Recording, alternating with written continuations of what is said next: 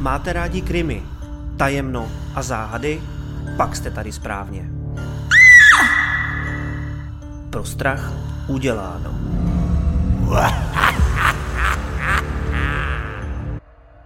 Víme všechny posluchače a diváky našeho pořadu Pro strach uděláno. Jo, a já mám novou ofinu.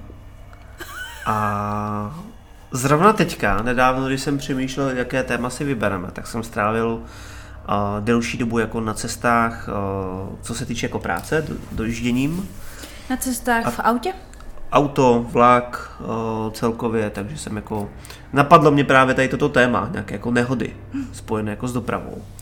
Takže já jsem si pro vás připravil nějaký přehled největších vlakových neštěstí v Československu, České republice. Takže a ty pokud, pro nás máš? Takže pokud zrovna nás posloucháte ve vlaku, doporučuji přepnout na nějaký jiný díl. Já vám doporučuji hlavně, nebo přeju vám dojet dobře, dojet v pořádku. A pokud letíte v letadle, tak vám taky přep, uh, doporučuji přepnout, protože mám uh, nehodu z letadla.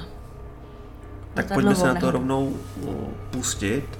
A začneme u nás, protože ty máš vždycky příběhy mm-hmm. z mhm. Česka nebo mm-hmm. Slovenska, já ze světa a my si semka prásknem teda ty železní, že, že, že, že, že, že, železniční nehody. tak pojď, a, těším se. A zajímá mě schválně, jestli tam bude jako nějaké neštěstí z místa třeba odkud, jako, které známe, kudy, jako přes které třeba jako jezdíváme a vlakem. Kudy snad nejedete? Takže mrkneme se na to. Jdeme na to. Celkově nejtragičtější dopravní nehoda v historii vlakové dopravy u nás.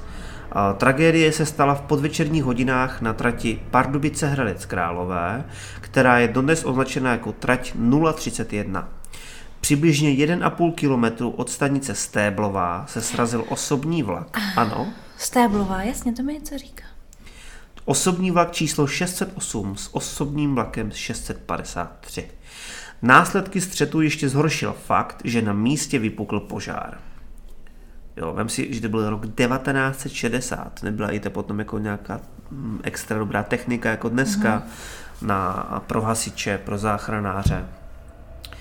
A to kvůli žhavému uhlí, které se vysypalo z topeniště parní lokomotivy, a zapálilo naftu unikající z motorového vozu, který naopak eh, vedl vlak číslo 653. Takže to byl nějaký motorový, ale i ještě... Versus jako pární lokomotiva. No. no a byl nějaký jako jeden menší, jeden větší. Jo, jo, jo. Takže... Kolik bys ty schválně mrtvých a zraněných? To je takový nehezký typovat. No, kolik? A byly to malý vlaky, velký vlaky? Tak. Berme to tak, že je to nejtragičtější nehoda. Bystě dohromady, jo. nebo tak si hodně blízko, no. Jo. 118 mrtvých a 110 zraněných osob. Některé zdroje uvádí čísla o několik jednotek menší, avšak obecně se počítá s touto nelichotivou statistikou. Jako viníci nehody byli shledáni členové posádky vlaku 608. Ten údajně odjel ze stanice Stéblová bez povolení výpravčího. Všichni přeživší členové posádky dostali několika leté tresty – Média byla tehdejším režimem instruována, že o nehodě nesmějí podrobně informovat, aby nebyla poškozena pověst socialismu. No a oni se ty vlaky jakoby střetávali. Mm-hmm. Já jsem totiž asi viděla nějaký dokument o Stéblové a tam právě říkali, že uh, že tak ten vlak byl vypuštěn dřív, než měl. Mm-hmm.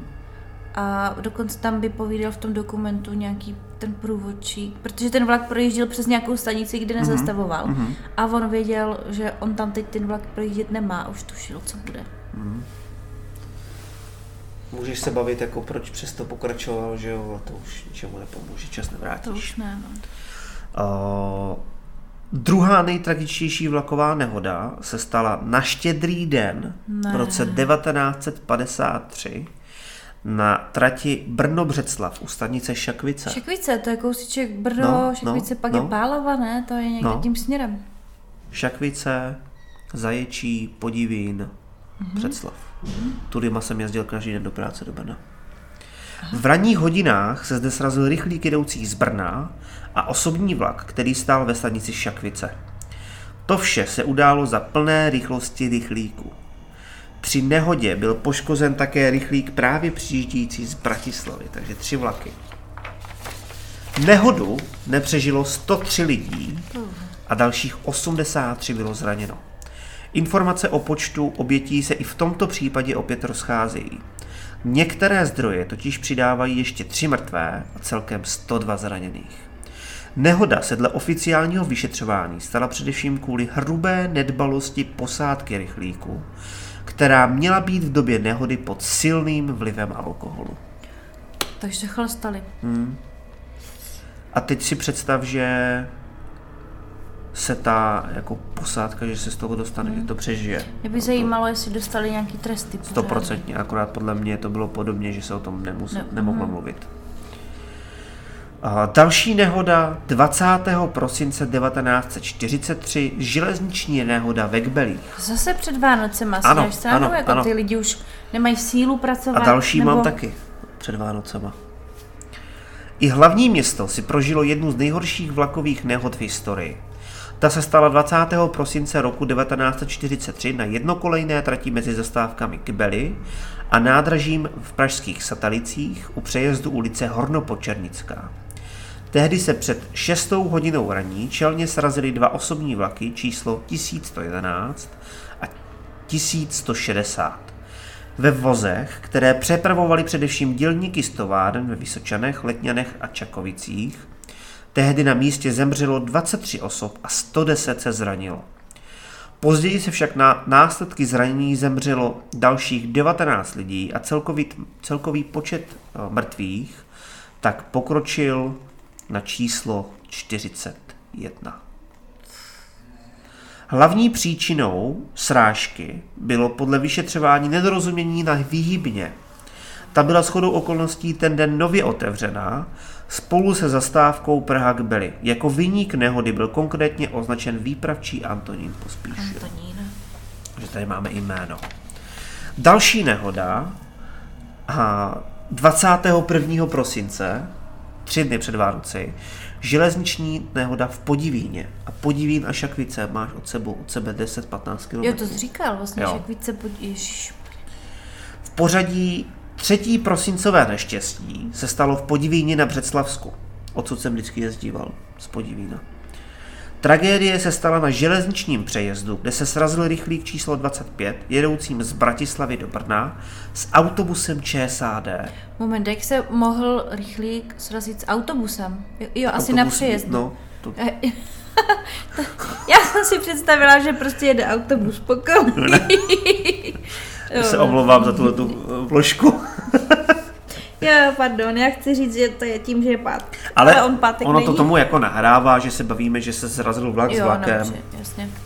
Podle přímých svědků vlak autobus roztrhl a táhl sebou ještě několik desítek metrů. Nehodu nepřežilo 34 osob a dalších 56 bylo zraněno. Představitelé tehdejšího režimu však nikdy přesná čísla nezveřejnili.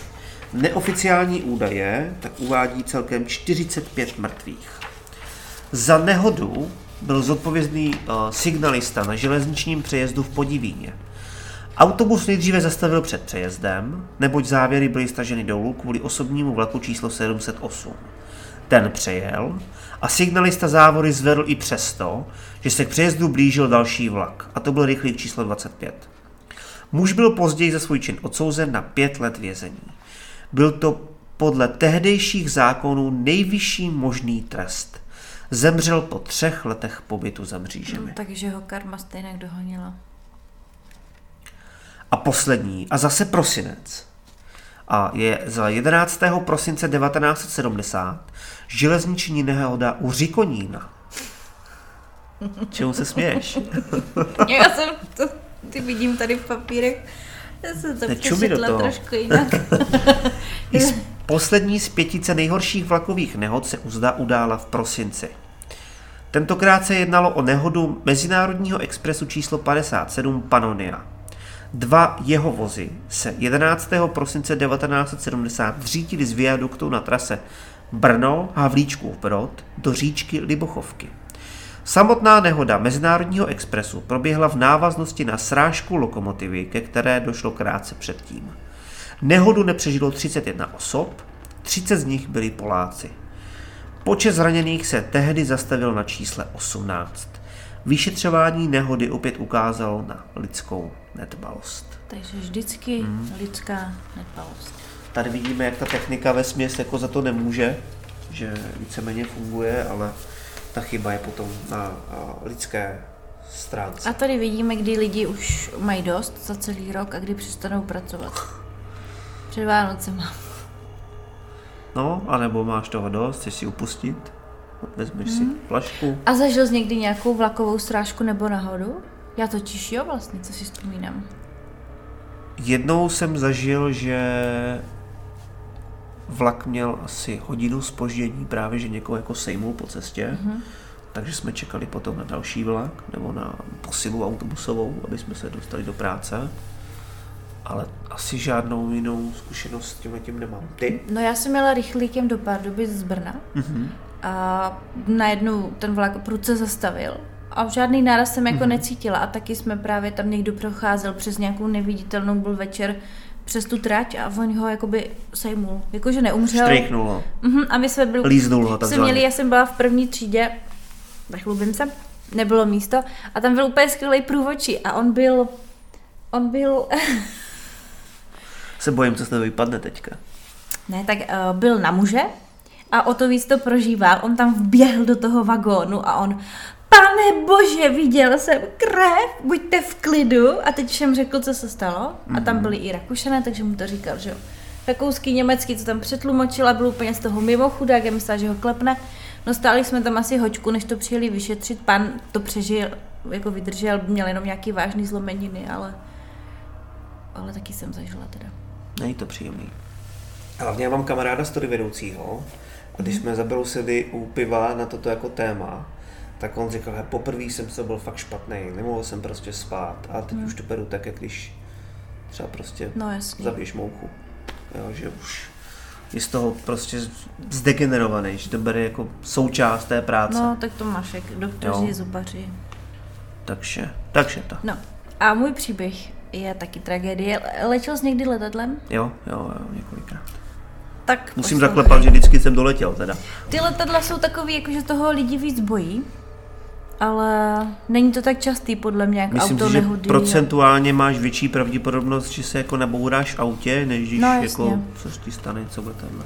Takže já mám docela známý příběh o, o, o pádu letadla a přemýšlíme si, děláme nějakou návnadu, ne, pojďme hnedka na to. Ve čtvrtek 12. října 1972 letěl tým, myslím, že to byl rugbyový tým, Old Christians Club z Montevidea na přátelské utkání do Santiago de Chile. Kvůli špatnému počasí však museli přistát v Mendoze v Argentíně, kde všichni strávili noc. A teď mě trošku zarazilo to dal, další datum. Následující den v pátek 13. října se pokračovalo v letu. Pátek 13. Uh-huh. A já jsem se v pátek 13. října narodila. Fakt? Uh-huh. Jiný rok, ale narodila. Letadlo kvůli špatnému počasí nemohlo vzlétnout, natolik, aby přiletělo Andy. Ale muselo letět podél pohoří až Malargue, to asi to správně, poté se otočit o 90 stupňů doprava a nad Curicó se otočit nad Santiago a jít na přistání. Kvůli husté mlze však piloti udělali chybu a na půli cesty v domění, že přiletěli pohoří se po schválení řídícího centra Santiago otočili na sever, do hor a začali klesat. Já jenom chci říct, že to nebylo jakoby dopravní letadlo, ale bylo to letadlo jenom pro ty členy toho týmu a pro jejich rodinu, co s nima cestovala na ten zápas. Plus nějaký jako realizační tým, předpokládám. No jasně, jasně, uh-huh. nebylo to nějaký jako do, uh, uh-huh. komerční, komerční let. let. Uh-huh. Klesání doprovázely turbulence. Poté, co zazněl varovný signál a piloti uviděli před sebou útes, vytočili motory do nejvyšších otáček a snažili se překážku překonat. To se nepovedlo. Ocas se utrhl a po chvíli se utrhlo i levé křídlo a pravé křídlo se utrhlo poté taky o nějaký útes dál. Zbytek letadla dopadl na prudký svah a sil po něm, dokud se nezabořil do ledovce. To zdeformovalo kokpit a přimáčklo palubními přístroji piloty ke stěně. Kapitán letu Giulio Ferrades zemřel i hned. Druhý pilot náraz přežil, ale zůstal přiražen na svém sedadle. Při nárazu také zemřeli doktor Francisco Nicola se svojí manželkou Eugeniou a Fernando Vázquez. Krátce po odtržení ocasu letadla z něj vypadli oba stevardi a další pět pasažérů. Poté, co se letadlo ztratilo uh, dispečerům v Santiago, začalo pátrání samozřejmě, které však, představ si, že jste v Andách, máš bílé letadlo, všude je sníh, takže to pátrání opravdu bylo fakt těžké. Pokud vám tady ten zatím krátký popisek něco připomíná, tak byl o tomhle natočen i film. Ty jsem, uh, jsem ho viděl, prosím tě. Neviděl jsi? Ne. Přežili jsme Andy nebo něco takového, je to opravdu natočený docela podle skutečnosti mm. a já doporučuji, ale je to starší film. Mm-hmm. Takže teď tu máme popis těch prvních dnů, co ti pasažéři, co přežili, zažívali. Po stroskotání se přeživší rozhodli udělat si prostor ve vraku, vynesli ven sedačky uh, a ty, co nepřežili. Díru, která se vytvořila po utržení osasu, provizorně zakryli sedačky a zavazadly. Veškerou organizaci procedur si vzal na sebe kapitán týmu Marcelo Pérez. Zásoby vytvořili pouze z několika lahví vína a tabulek čokolády. Následující den zemřeli další lidé na následky zranění, včetně druhého pilota, který do své smrti opakoval, že přiletěli Kuriko a tím milně uvedl ostatním polohu letounu. Nando Parado, o kterém si nejprve ostatní mysleli, že naraz nepřežil, prožil první tři dny v komatu, poté se probral. Roberto Kaněz a Gustavo Zerbino, tehdy zároveň studenti medicíny, si starali o zraněné. Ve vraku bylo nalezeno i pardon, menší přenosné rádio, které se podařilo zprovoznit, ale bohužel uh, oni tím rádiem jakoby nemohli komunikovat, pouze slyšeli, co se v tom uh, rádiu mluví, vysílá. Uh, 11 dní po stroskotání byla nalezena těla šesti nezvěstných, kteří vypadli z letadla po nárazu do útesu. Při první průzkumné výpravě. Sedmý Fernando Vázquez nebyl nikdy nalezen. Následně zemřela i Susan Paradová, to byla sestra toho zmíněného Nanda. Oni postupně prostě odpadávali nebo nalézali ty mrtví. O, trosečníkům, kteří žili ve vraku letadla, brzy došlo jídlo a po deseti dnech se z rádia dozvěděli, jak poslouchali to rádio, že pátrání po nich bylo odvoláno. A teď co chceš dělat, že? Nemáš jídlo. Raz, dva, tři, tak. No, tak nesmíš tak dozadu. Tak, nám to tady furt vypadává. Teď nejde jsem skončila. Uh, jo. Postupně odpadávali tady ta sestra. Jo. Takže to, pa, to rádio. Mhm. Trosečníci se dozvěděli zhruba po 11 dnech, že po nich bylo odvoláno pátrání. To chceš slyšet. No šílený. Uh, Parado a další člen týmu, student medicíny, nakonec navrhli, aby skupina kvůli přežití začala jíst.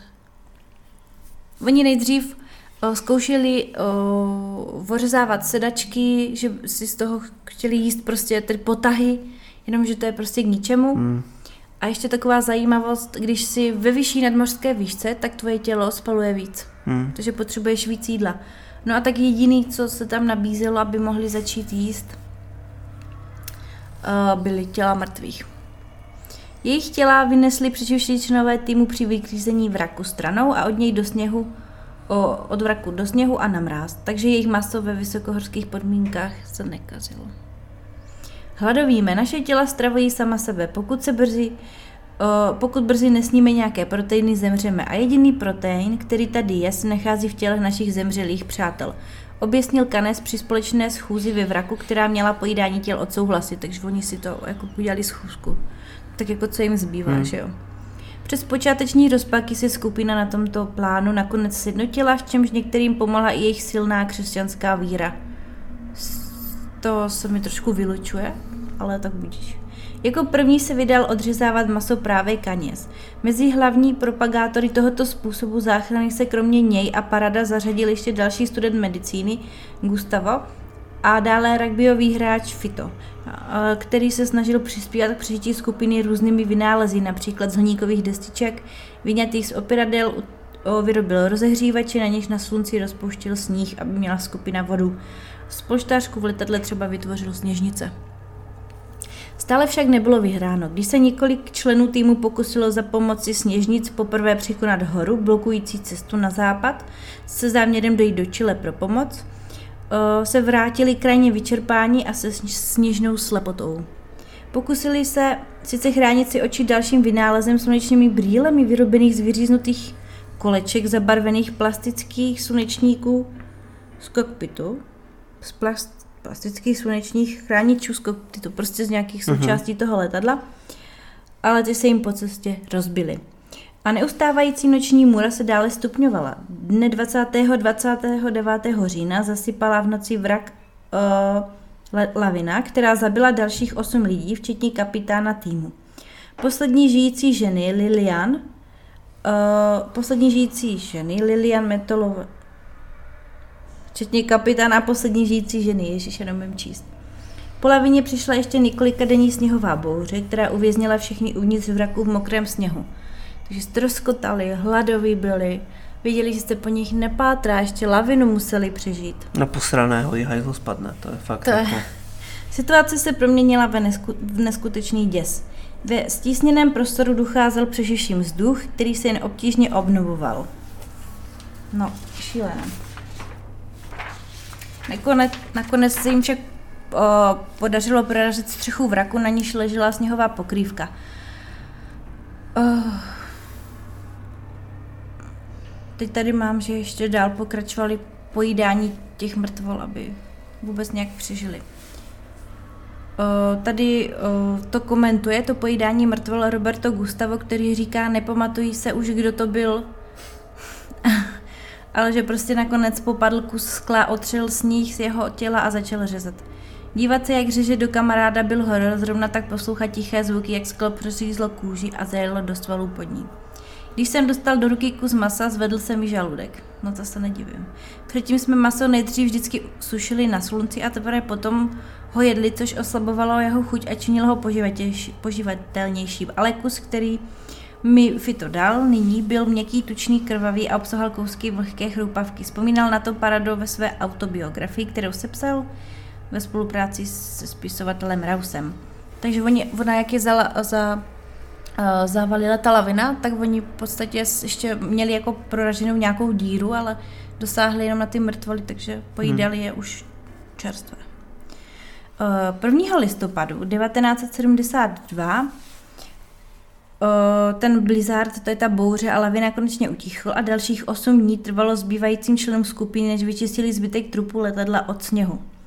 Ta sice způsobila všem těžké ztráty, dalších blízkých, ale měla i jeden pozitivní dopad. Skupina se definitivně rozhodla, že musí z hor pryč a zachránit se vlastními silami. A začala systematicky plánovat cestu pro pomoc. Při průzkumných výpravách do okolí se několik členů, podařilo 17. listopadu najít ocas letadla, v něm byla baterie k rádiu, jehož pomocí si chtěli přivolat pomoc. Uh, protože baterie byly příliš těžké na přepravu, donesli k ním letadlo, uh, z letadla rádio a spolu s ním vzali nejmladšího člena výpravy, který měl nejvíc zkušeností s elektronikou a skupina si od něj slibovala, že rádio zprovozní. Tento plán bohužel nevyšel a na cestě zpátky do vraku málem všechny zabila nečekaná sněhová bouře v v Andách svaná bílý vítr. Za několik okamžiků byl všude chaos. Teplota prudce poklesla, vítr se rozfoukal a opřel se s takovou silou, že oni museli udělat krok zpátky, aby je neporazil. Sníh vířil v hustých spirálách, útočil na obličeje a znesnadňoval orientaci. No, to se jim teda moc dobře nezachraňovalo. Bouři také málem zahynul další člen, Roy, který skolaboval a Parado, který všechny tak víceméně vedl, to všechno popisuje on, ho musel dovolézt do vraku i za použití násilí. Všichni ale nakonec zpáteční cestu přežili.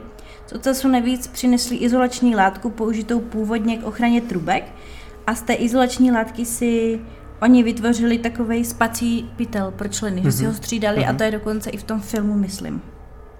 Vybavení pak tímto spacákem se dne 12. prosince zmiňují, že ztroskotali někdy 13. října. Vydali eh, Kaněz, Parado a Vizin na cestu přes horu na západ, za jímž vrcholem doufali, že najdou nějaké horské úpatí. Takže tři členové pouze se vydali. a předtím, než odešli, zemřel poslední uh, poslední oběť této katastrofy, která byla 29. a byl to zraněný Numa Tunkany. Ty jména jsou takový zajímavý. No, jak se dařilo těm třem? Po plném dosažení vrcholu bohužel trojice zjistila, že se ve svých nadějích mílí. Nebyla ani na okraji hor, jak očekávala, ale mnohem hlouběji. Viděl jsem, teď tady mám citaci, viděl jsem, jak horizont obkružuje svět jako horní okraj obří mísy, ale ve, směr, ve všech směrech byla uh, až do zamlžených modravých dálek tato mísa naplněná legiemi sněhem pokrytých hor, z nich každá byla tak strmá a nepřístupná, jako ta, kterou jsem právě zdolal. Takhle cituje ten Parado, co napsal potom tu knížku. Tříčlenná skupina se proto rozdělila. Vizin se vrátil k vraku, aby zbývající dva měli více jídla na cestu. Parado a Kaněz vyrazili na dlouhou cestu skrz Andy, oni už to prostě nechtěli vzdát, hmm. jako co ti hmm. zbývá, budeš čekat, umřeš. Určitým paradoxem je, že Kaněz si ještě během výstupu nahoru všiml asi 40 km vzdálené čáry v horách, kterou považoval za silnici a chtěl k ní zamířit. Je to cesta, jsem si jistý. Ale Parado ho od tohoto záměru odradil, neboť tato vrstevnice byla mimo jejich plánovaný směr a nemohli si být nějak jistí, co vlastně vidí. Mohli bychom na místě zjistit, že je to prostě jenom vrstva břidlice a už bychom nemuseli mít cílu se vrátit, namítal Parado a tak změnil názor mm-hmm. skupiny. Oni mm-hmm. měli i tu sněžnou slepotu, oni prostě Jasně. něco jako Fata Morgana nevěřili, že by mohli takhle blízko vidět ano. silnici.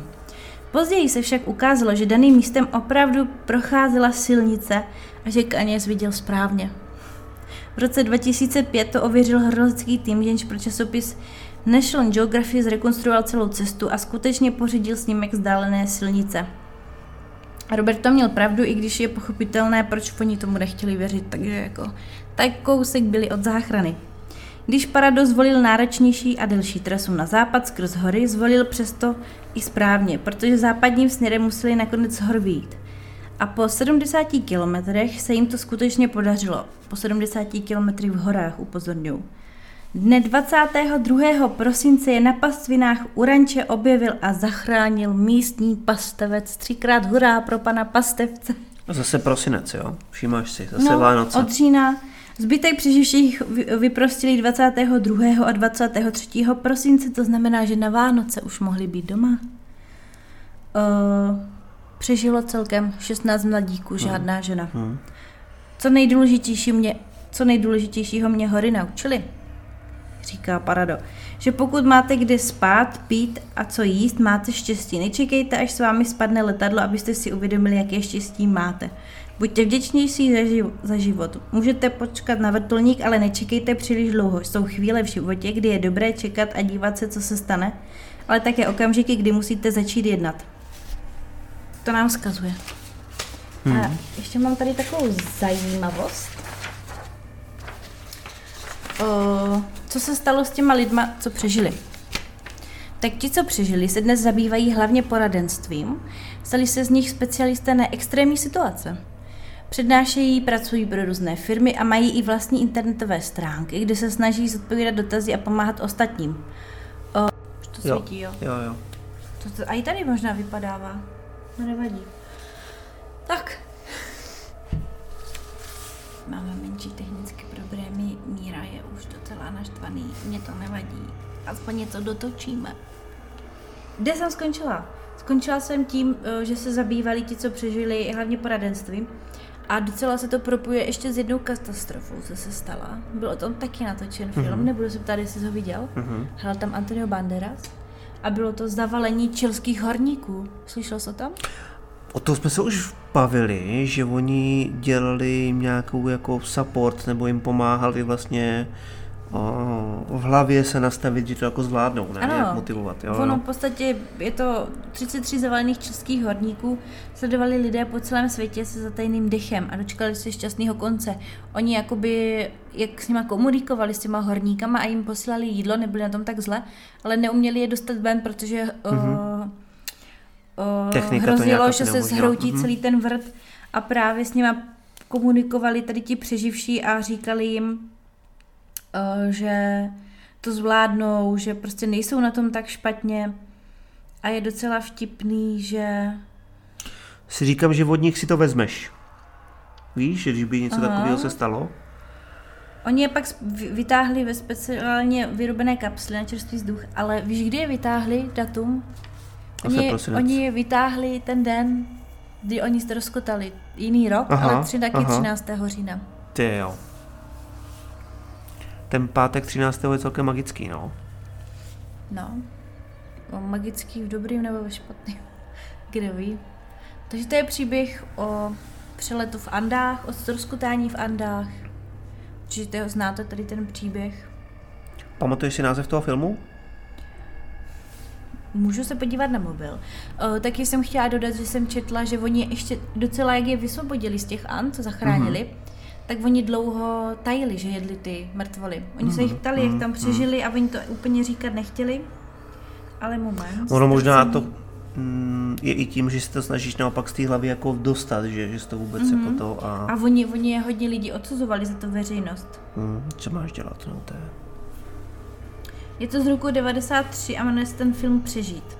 Mhm, OK, tak A má docela Určitě. dobrý hodnocení 78% na ČSFD, což nemusí znamenat úplně, že to je nějaký velký dobrý, je to i ale tip pro je to mě, dost. abych se podíval. Jo, a na to, že je to starší film, tak mm-hmm. je to docela fajn. Tak jo, tolik, Tak jo. eh, co se týče eh, nehod, eh, vlakových a leteckých neštěstí. My vám moc děkujeme, že jste si našli čas nás poslechnout, podívat se na nás.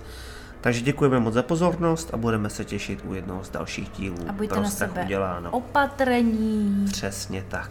a nebojte se, a nebo se bojte s námi. Tak jo, mějte se, ahojte. Čau. Mrdá mě to!